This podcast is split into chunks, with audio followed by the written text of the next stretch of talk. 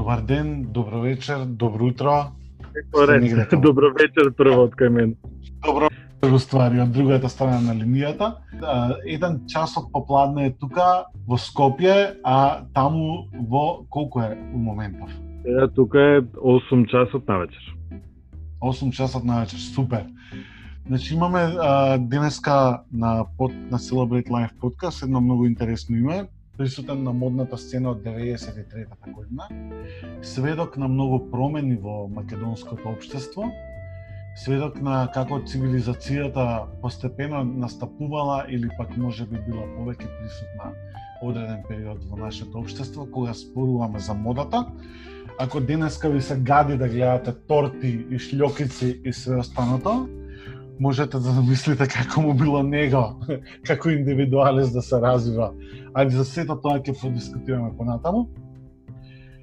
Пред неколку години своето Скопје го замени за Бали. Прилично задоволно делува според неговите фотки на Инстаграм, не на интернет ствари што ги постира и да не должа многу не на Секирарски на на наше задоволство. Знам дека многу ретко даваш интервјуа или пак искачаш јавност да збориш, така да фала ти Ептен за оваа прилика што ќе поминеме одреден час заедно да продискутираме за твоето творештво. Како Добро, си задоволството е и мое. Мислам така да не е посебна често ете ќе имаме прилика да да зговараме и размениме искуства затоа што и подеднакво се долго настенава, така да мислам дека ќе имаме да зборуваме за многу нешта што сме ги виделе и научиле. Да.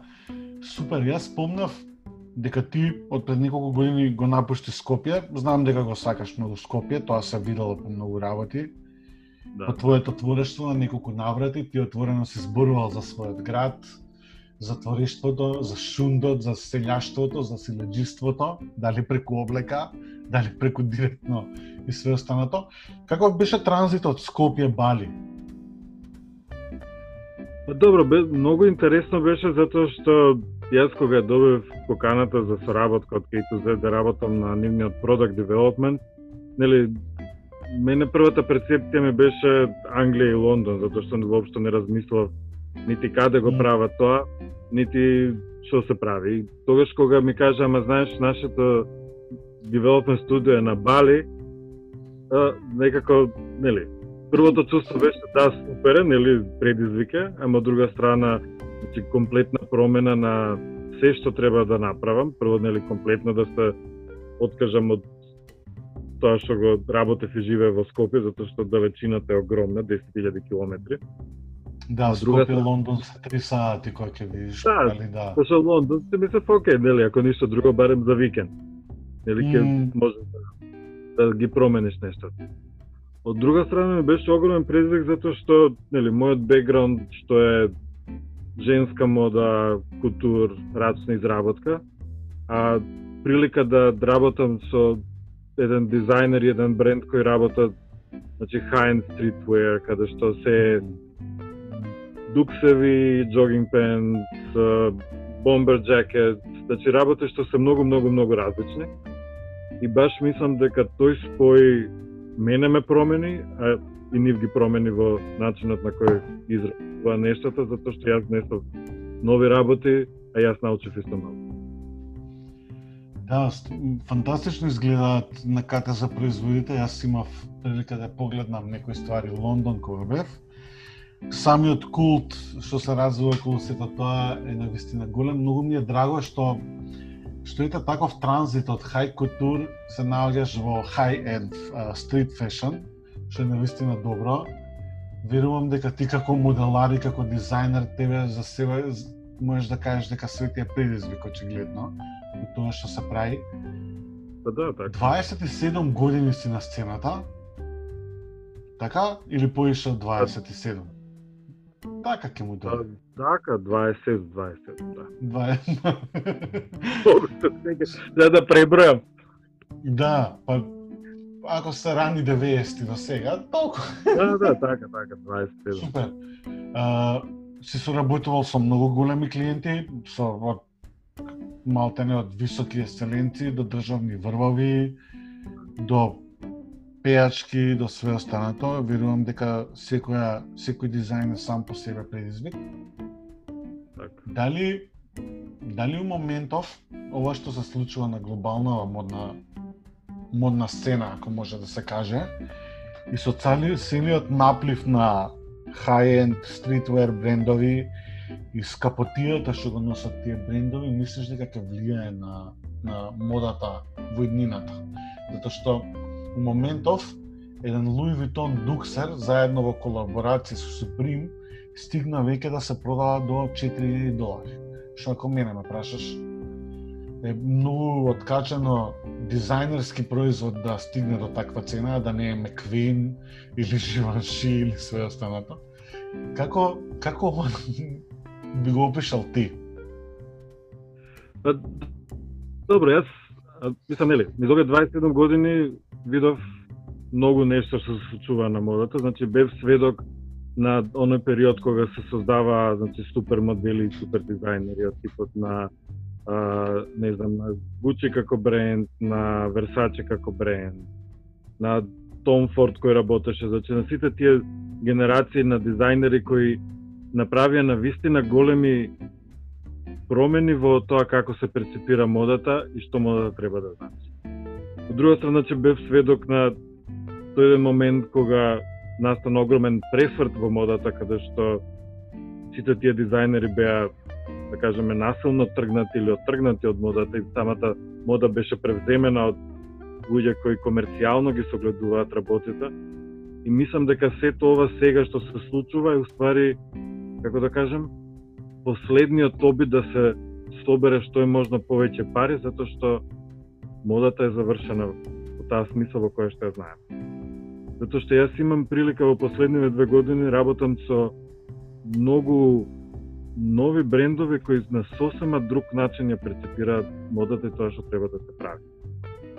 До тоа да како начинот на кој комуницираат со клиентите, до начинот значи што внесуваат во своите дизајни како ги манифестираат своите идеи, така да мислам дека тоа е тоа каде што модата ќе можеме да гледаме да кажеме за една десетина година.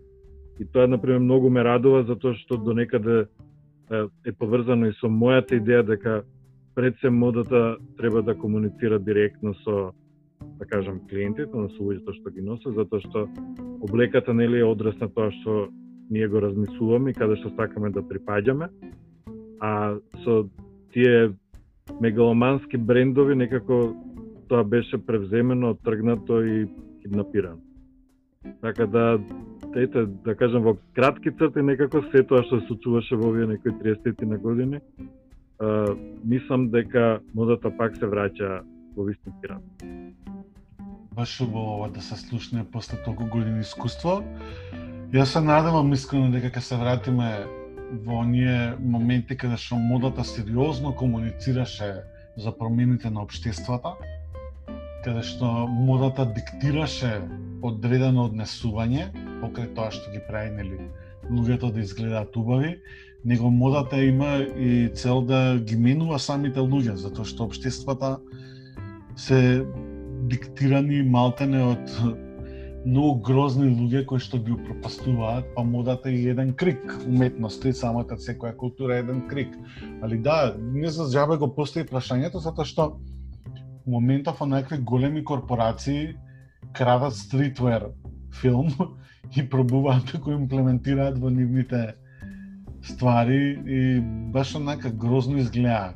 Знаеш дека мајчка што коштала мајчка од 5 долари на една ще гледаш 300 долари си викаш, чека бе као, how come, а ти работиш на дизајн, на ресърч, на мудбордови, на не знам на што и најнаш гледаш дека селјаштво као те претркуе. Знаеш, што онаква безпамет, гледаш како иде ап, ап, ап, ап, ап, и си викаш, чека бе, што е тоа проблемот? Али убаво, убаво ова го склопи, на вистина ми е драго што така размислуваш, затоа што очигледно е дека модата и треба да се врати кај вистинските конзументи. Да, секогаш не имаме мода која што не е достапна, high-end култур, тоа се останато, али се знае за кого е таа мода направена. Да, али за нас обично е сокачарија како што умеам да се викам и така како е поразително да гледаш дуксери по 2000 долари и да се чудиш. Да, мислам, ама не, не припаѓа. Едноставно, mm. тие работи не припаѓа. Значи, а, нештото за да има вредност, треба да има вложен труд и вложена мисла. Инаку се друго е безсмислено. Значи самото mm. тоа што го ставиш одреден лейбл не е, не е доволен знак дека нештото ја има вредност. Ама тоа е тоа е една од причините што нели, да кажеме и uh, Александар Меквин кога изгуби битката со себе си како дизајнер во тој концепт. И Галијано mm. кога изгуби битката со подметнатиот случај да. да, да го отргне, што значи не може да го контролира доволно. Сите тие така. работи се проблематични и укажуваат на тоа дека модата е во погрешни раце, дека едноставно е киднапирана од комерцијалисти кои не гледаат во модата ништо друго освен бројче. А тоа бројче да. треба да има барем 3 нули. Да, интересно е. Галијано пустија како на една свему пропадна, тоа е поразително ептен. Да се надеваме дека сега со Марджела ќе се врати пак каше. Многу ми се свигаат нови ствари што ги работи за Марджела. Ќе продискутираме и за тоа. Тоа е гени, да. нема тука што. И сега, mm. Ама беше, како да кажам, премногу слободоумен за да може да, да го влијат. И веројатно да, да. не сакал некои работи да ги направи кој што треба. Да, апсолутно. Се согласувам со тоа. Ненад, таму имаш прилика да работиш со нови технологии. Веројатно ова затоа и толку а, позитивно размислуваш за днината на модата Јас од друга страна гледам како се раѓа некое свесно конзумерство за облека, се гледа како помоца да се троши, да се користат што е можно по еколошки материјали. Ти си малтене у еден од епицентрите на светската продукција што се случува. Како како делува новата технологија врз врз тоа што ти го работиш таму? Не конкретно за твоите брендови каде што ти работиш, него како ти делува модава од друг аспект. Дали ќе ќе се менуваме како конзументи затоа што премногу, премногу и наштетивме више на земјава, не знам што уште треба да и направиме. Значи, јас ќе кажам дека, нели, соработувајќи со многу различни дизајнери од различни подоби со различни концепти, ми возможува, значи, во овој период да работам со сосема нови, нов тип на материјали и значи самото нивна побарувачка на новите начини на изработка, значи ме возможува да јас понатаму нели барам нови решенија. Па mm. така на пример а, постои бренд каде што работевме маски од материјал што личи многу на кожа е направен од како. Значи бренд wow. значи неверојатно изгледа. И плюс на пример они да кажеме на тоа прават течење со ласер, значи разно разни форми кои реално не би можеле да ги добиеме на ниеден друг начин. А, mm. Самиот концепт на тоа дека значи имаш кактус кој во Мексико го гледуваат на полиња, тоа прават нешто што личи на кожа, ама на вистина многу добро личи. И Браво. значи го има, има сите карактеристики, значи и визуелни и материјални за работа. Така да апсолутно се губи потребата веќе да некој се убие за да може нешто да се направи. Од друга страна, тука во Индонезија, значи на Јава, постои компанија која развива, а, значи исто вештачка кожа, односно материјал кој личи на кожа, кој се работи од габи. Вау. И, значи, фантастично изгледа. Одлична технологија. А, значи, е органско, е значи sustainable, значи е одличен концепт за создавање на нови производи. Прекрасно. Значи може да се принта на него. Mm -hmm. Од друга страна, значи тука на Бали постои компанија која развива технологија значи за фарбање со природни бои и за принтање со природни бои. Прекрасно. Ја така мака да... мачам за да ги па моите ствари со водени бои у Македонија, така да све ти е јасно колку сме не, разбирам. А ова не е, значи ова се да кажеме ова се бои кои се добиени од растенија. Значи да, не се воопшто, значи не се само водени, него се добиени од растенија, значи они принтаат што да кажеме куркума. Mm, вау.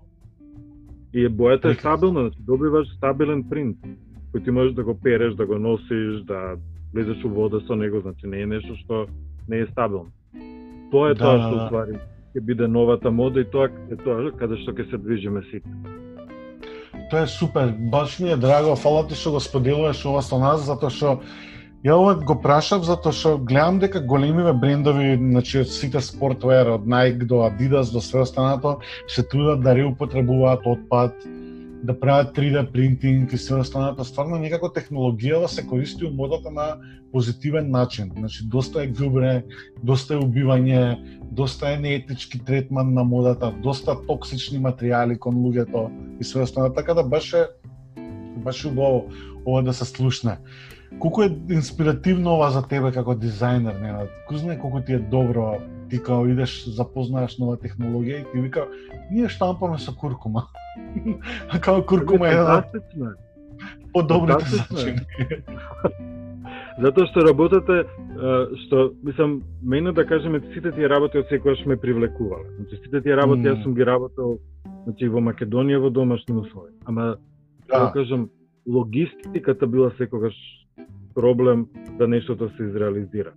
А, М, времето сега е сменето до толку да да кажеме а, клиентите на крајната дестинација имаат побарување дека нештото треба да е органско и треба да е значи произведено во етички услови, дека треба да е а, со природно потекло, дека материјалот треба да е органски, дека а, сите работи, значи они сакаат тоа да го прочитат, они сакаат да го видат. И м, тоа е тоа што ми покажува дека модата се менува, затоа што поготово она генерација што е сега помеѓу 20 и 30 години. Значи, они не сакаат да купат нешто ако тоа нешто нема влијание на општеството. Е. Значи мора да има а, значи ако е мајца, тоа не е само мајца која јас ќе ја носам, него со моето купување на мајцата јас треба да направам некаков чин или да допринесам кон нешто што ќе биде подобро за сите нас. Апсолутно се согласувам. Затоа и викам често и со неколку пати го спомнав сега. Модата е society changer. Значи модата Така. диктира све. Модата диктира све. Кога ќе видиш и како е поврзана со култури, со субкултури и со све останато, епте не добро тоа. Ја да ти кажам, кога почна пандемијава, пошто нели као сите бевме дома и све останато, јас сум згрозен колку алишта имав дома, што никогаш малтани не сум ги облекал и тој конзумеристичкиот пристап. Ајбе 5 долари, ајбе 10 долари мајца. И однака трупаш, трупаш, трупаш само и однака се згрози викам зашо бе волку пари као зашо толку непотребно трошење да факт е дека треба сите компании и дизајнери да живеат нели нормално и ние живееме тоа малтене ама многу ми се свиѓа искрено со ова будење на конзумеризмот и на купување. Значи као купи си скап капут, не купуј 10 јакни, као или не знам што. Да, да. Знаеш, нека као многу е убаво ова да се слушне од човек што е толку години во, во на сцената и што точно ги знае работите, така да верувам дека ни престои добра иднина. Се надевам. Па да, јас исто мислам, значи јас многу позитивно гледам на сите овие работи, баш од причина што да кажам еве сега, ако во моментов работам со мислам дека имам негде од прилика десетина клиенти, Мгм. а, тие десетина клиенти, а, четири што се многу јаки, значи се тие кои веруваат во тоа дека треба да се направи нешто или што е zero waste или е значи јас се извинувам за некои работи малку нели македонските зборови ни фалат Да, да, така да. да морам да користам англиски ама нели дали е тоа нешто што е или eco-friendly или sustainable, значи сите тие работи, ако не е орган. А инаку инсистираат на работи за орган. Така да самата таа свесност на и на брендот, значи на тие што го менаџираат, и на клиентот на крајот е многу битен дека тоа е правецот во кој ќе се движат нештото. Мм, баш убаво. Убава, убава иднина ни престои, ќе повторам, се надевам Да, да, дека фантастично. Се надевам дека овие трендови ќе стигнат и на Балканот, бидејќи факт е дека многу луѓе го гледаат Балканот како заостанат, а никој не е ни свесен дека 90% од работите ги гледаат од тука и се инспирираат од тука и ги носат некаде и профитираат од цело тоа. Да, да, значи, така. нашата култура е извозна многу одамна, не дека е тоа нешто ново, Како делува Балканот вака од страна? Мислам, некам ни да збориме за на мрачната страна на Балканот, затоа што не ни, ни таков микросветот. Веројатно сме научени да живееме у некоја позитивна нишка, колку и да е грозно на Балканот на моменти и све останато. Каков беше life changing моментот од Балкан на една зен местоположба? Поготово ти замина баш кога македонското општество тргна да се менува на некој начин. Мислам, Балканот секако има многу работи и треба многу години да проја за да стигнеме до некаде. Али како делува Бали врз тебе на твоето ментално здравје, на мир? Добре, јас ќе кажам дека, нели, прво Македонија се сакам и тоа никош нема да се смени. Апсолутно. луѓето подеднакво се ги сакам и мислам јас не би бил ова што сум да во себе не ја носам цела таа традиција наталожена со генерации на негување на уметностите визуелни, музички, секакви во нашите Mm. простори. А, моментот кога решив дека треба да заминам беше моментот кога ми стана комплетно јасно дека значи јас не можам да очекувам луѓето да да се сменат ако самите немаат желба тоа да го направат. А од друга страна мислев дека јас се уште значи тогаш имав 45 значи мислев дека се уште можам уште многу многу многу да направам и да покажам Да. со се дека тоа треба да се направи во некој други простор. Па добро, види, за ете. го своето у времето каде што си бил, така? Треба да, продолжиш да твориш и на и понатаму во животот, не е само не е оваа Па да. кариера 10 минути као е готово ја завршив, не, баш напротив, мислам кој е поентата да, да не се менуваме? Нели? Така, така. Па не, и тоа мислам, самите нови предизвици, нови учења е нешто што, нели, имав потреба да го доживам. И ете, Бали беше како многу добра опција тоа да се случи. Од друга страна, мислам, Бали е многу интересно место за а, живење, затоа што во јазикот на балинежаните, значи они имаат свој јазик кој е различен од индонезискиот, не постои збор за уметност, затоа што уметноста се подразбира за кај секој човек. Значи, они секогаш нешто творат и создава. Значи, секогаш ќе видиш некој си седнал некој чош и прави нешто. Значи, независно дали е тоа од, од кокос, од палма, од метал, од хартија, од глина, од дрво, од нешто. А, кога ќе погледнеш, значи, нивните музеи со, да кажем, исто вековна наталожена традиција на разните уметности, ми отвори многу нови можности во визуелното кој е скрос различно тоа што јас сум научил да го конзумирам во европската култура. И нормално ми ги смени концептите на тоа како да го перципирам светот, затоа што за нив тука прво они како религија се хинду, што од многу значи дека они се повлекуваат во себе во своето, имат потреба на разговор со себе, што мене исто ми е многу близко, пошто јас као, нели, приватно сум прилично интровертен и имам потреба да сум сам. И тоа до некаде ми дојде многу олеснително тука, затоа што тоа тука е нормално. Да, супер. Медитација цело време. Па да, зашто нивната идеја, значи нивниот идеал во животот е, значи, кога се млади да работат, за да заработат, нели, да направат фамилија и да направат куќа. Во таа куќа, значи, да направат едно зен катче каде што ќе има мало храмче, нели, тако, најмалку мало храмче, ако се побогати и поголем, да има, значи, нешто што е базенче со риба, малце зеленило некое дрво, за да и што побргу да значи бидат во ситуација да не мора да работи и да може денот да си го посвети на себе. Тоа е нивниот идеален живот. А, Баш се уште се традиционални, се уште живеат, значи семејството им е многу битна ставка. И поради тоа мислам многу многу многу ги почитувам затоа што се уште држат до оние да кажам вообичаени нормални човечки вредности на кои да кажа е, нашата генерација до некаде уште се сеќава како треба да се однесуваме едни кон други. А, од таа гледна точка така. да, значи не ме измени колку што напред да се чувствувам по сигурно, значи, да кажам до некаде и свој на свој. Баш убаво. Баш убаво. Тоа е супер.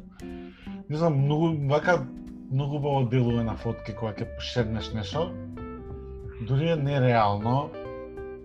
Викам, човече, како, како живеат овие луѓе, цело време се у, у природа, цело време им е убаво, зелено, жолто, цвекиња, цвекиња, а као ние у Скопје се бориме воздух немаме. Као нека задниве 10 години со маски се шетам, не знам што, знаеш, и као сакаш дека некои луѓе се грижат за земјата и дека не се себични, дека не мислат само на себе, знаеш. Он е свесен дека таа природа е таму и дека мора да е негова за да живее убаво и он и све околу себе. Така да многу е убав. Али тоа е тој зен и, и хинду пристапот е ствари тој. Свесноста и за другиот. Да не, многу интересен да граба. Е концептот што тука да кажеме и дури во, значи сообраќајните правила се различни токму поради тој зен концепт. Што на пример да кажеме ако возиш по права улица и некој, некој влегува од споредна, значи тој има предност, затоа што ти од правата улица значи имаш прегледност на сообраќајот пред тебе, а тој нема. И секојаш значи тие што возат на права улица да кажеме застануваат за да може овој да се вклучи во сообраќај. Супер. Тоа е сосема обратно нели од од тоа што сме научени, да. Али пак ќе повториме, тоа е затоа што луѓето не работат на себе и не го наоѓаат својот пат и својот мир. Ти кога си енгри внатре, си енгри од надвор, така да тоа е long term, треба да им биде на сите, работата на себе и наоѓањето на својот мир. Супер. Ненад, ние снимаме се уште у пандемија, нажалост, Македонија е вториот, а може и третиот бранд, не се знае више. Ја прилично ништо не ми смени многу, освен што, ете така, гледам само како попукуваат луѓево. Како пандемијата делуваше у Бали? Мислам, ние како уметници нели сме научени да живееме малтене на страна, да не се мешаме со луѓе, да сме насочени на собственото творештво и све останато, али верувам дека има и мислам и гледам луѓе кои на кои што има многу тешко се тоа. Пред се. Како како делуваш ова таму пошто како викаш дека се луѓе осталожени, работат на себе, медитираат и све останато? Добро, значи една многу битна работа е дека Бали последниве може би 15-20 години живее од туризм. Тоа значи туризам во многу сериозен размер. Од тоа да, да кажеме годишно доаѓале помеѓу 8 и 10 милиони луѓе како туристи. Што значи огромни ресорти, хотели, вили за издавање, ресторани, а, нели, огромна набавка на храна, пијалоци и се што е потребно одеднаш значи се случува крах во целиот свет. Значи се откажуваат сите летови и значи илјадници, илјадници луѓе остануваат без работа. Значи и во хотелите и луѓето што набавуваат и не знам такси возачи, еден куп значи масери во салони, тату салони за татоважи, значи сите остануваат без работа. Тој момент многу тешко влијаеше значи на сите што се тука. А, многу значи се вратија, пошто нели не се сите балинежани што работеа во сите овие бизнеси, се од сите други острови затоа што треба да се има во предвид дека Индонезија е четврта во Азија по големина.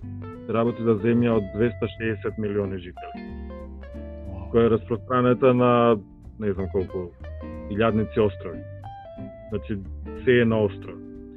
А, многу луѓе беа заглавени тука, нема средства да се вратат на своите острови, значи останати без пари, без можност да платат соба, без можност да платат храна.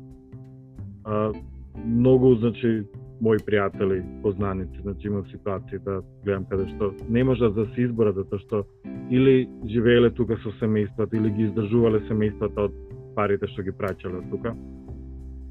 Така да не толку многу имаше проблем со заболени, значи многу малку, неколку стотици веројатно, многу малку починати, може би не знам, помалку од 100 сигурно. Најголемиот проблем на Бали се уште е глад. И тоа е, мислам, прв пат во историјата Бали се соочува со такво нешто. Од причина што порано Бали, а, нели, кај што живееле тие што се тука, што има земјиште, биле многу добро организирани, Бали секојаш имал ориз.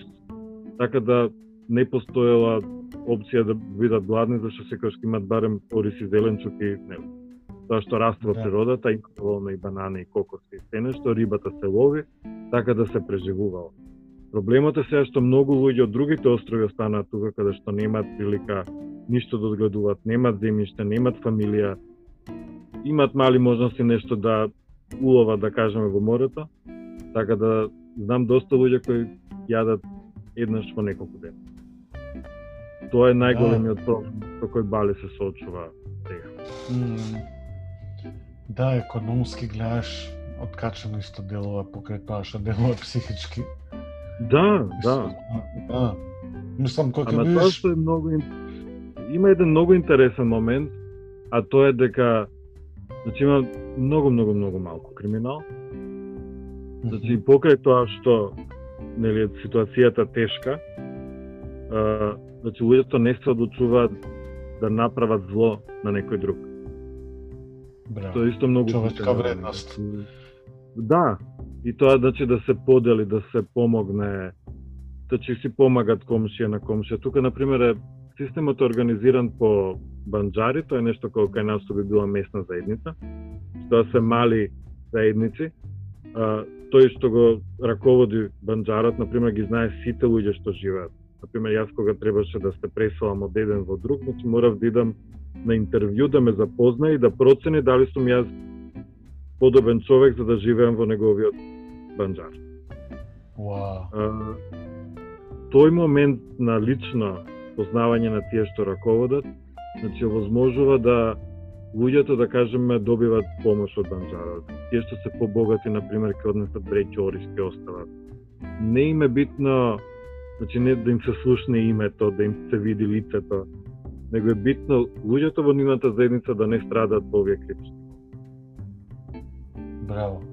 Да, тоа е емпатијата и солидарноста, да, браво.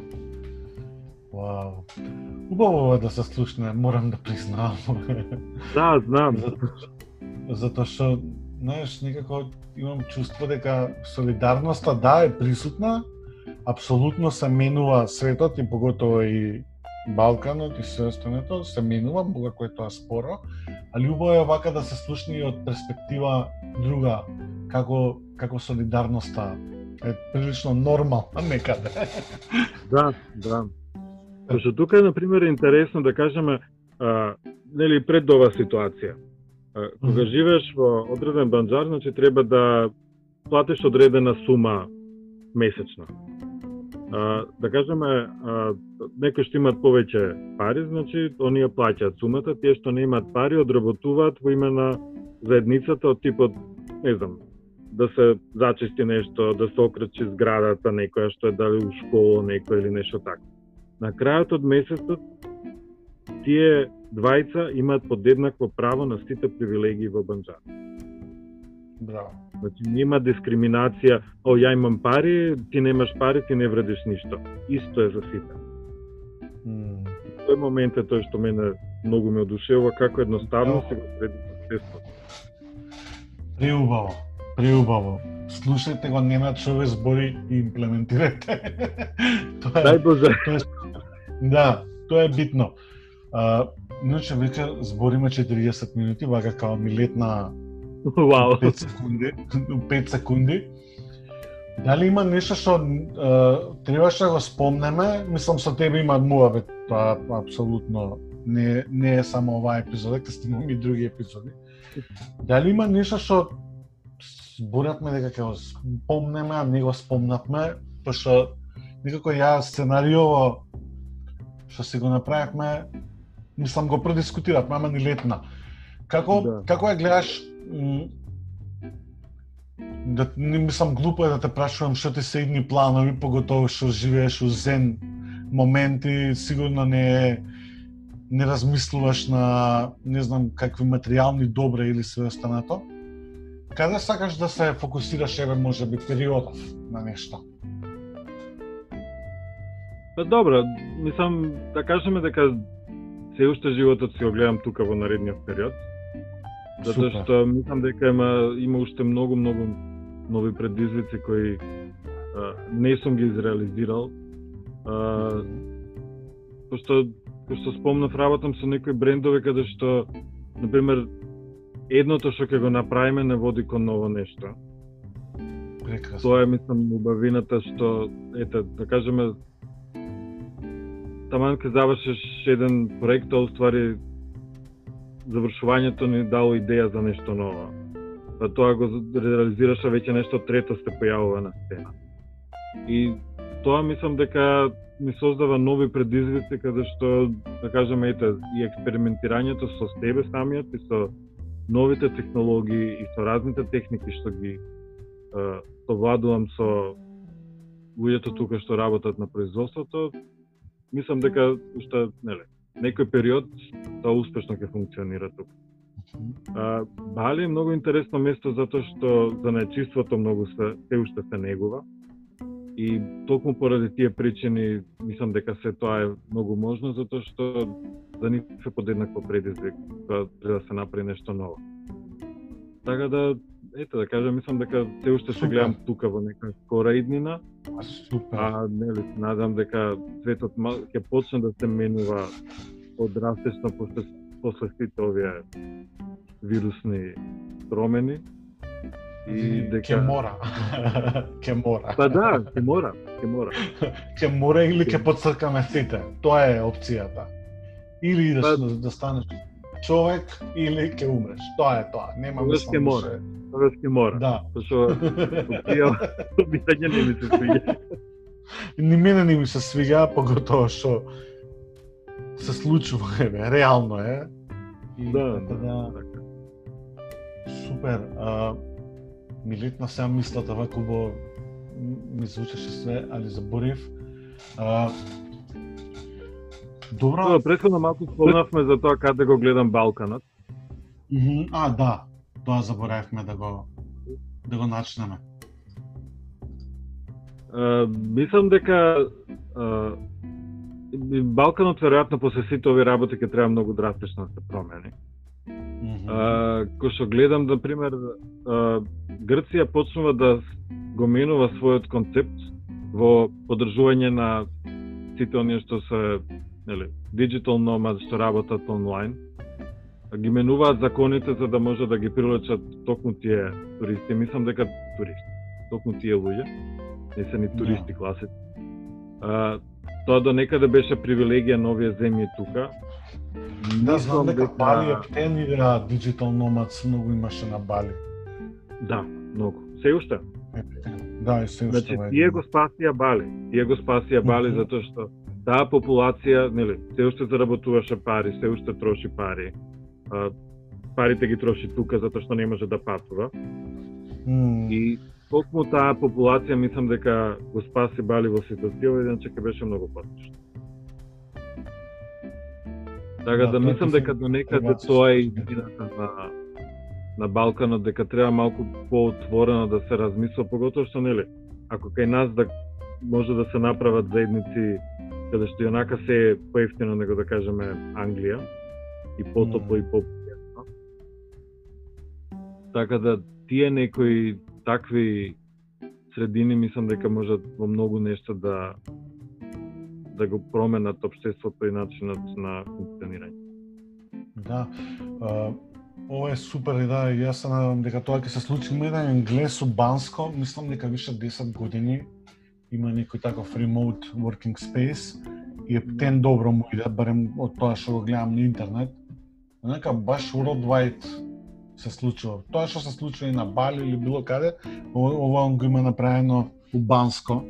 Така да да, се надевам дека у блиска иднина и тоа ќе се случува кај нас, бидејќи многу се смени пазарот и многу луѓе исто работат више ремоут или фриленс и со онлайн и се останато бешка ова пандемијава стварно ќе ја смени иднината однос на работа. Знаеш, више нема можеш да се бориш со работодавецот дека можеш да си му присутен у канцеларија 8 сати.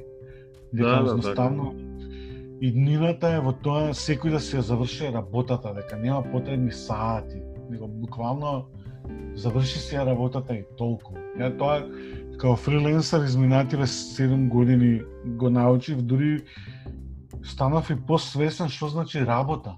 Знаеш, пошто као не си, си време, него као мораш да сработиш и тоа, тоа. нема тука да, експрес.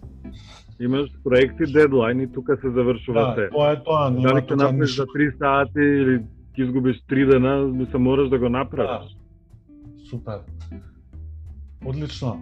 А, вие помладите клинци се надевам дека не надвидело инспиративно, бидејќи ако немате од кого да слушнете за модата каква била некогаш или се останато, еве ви прилика за сето тоа.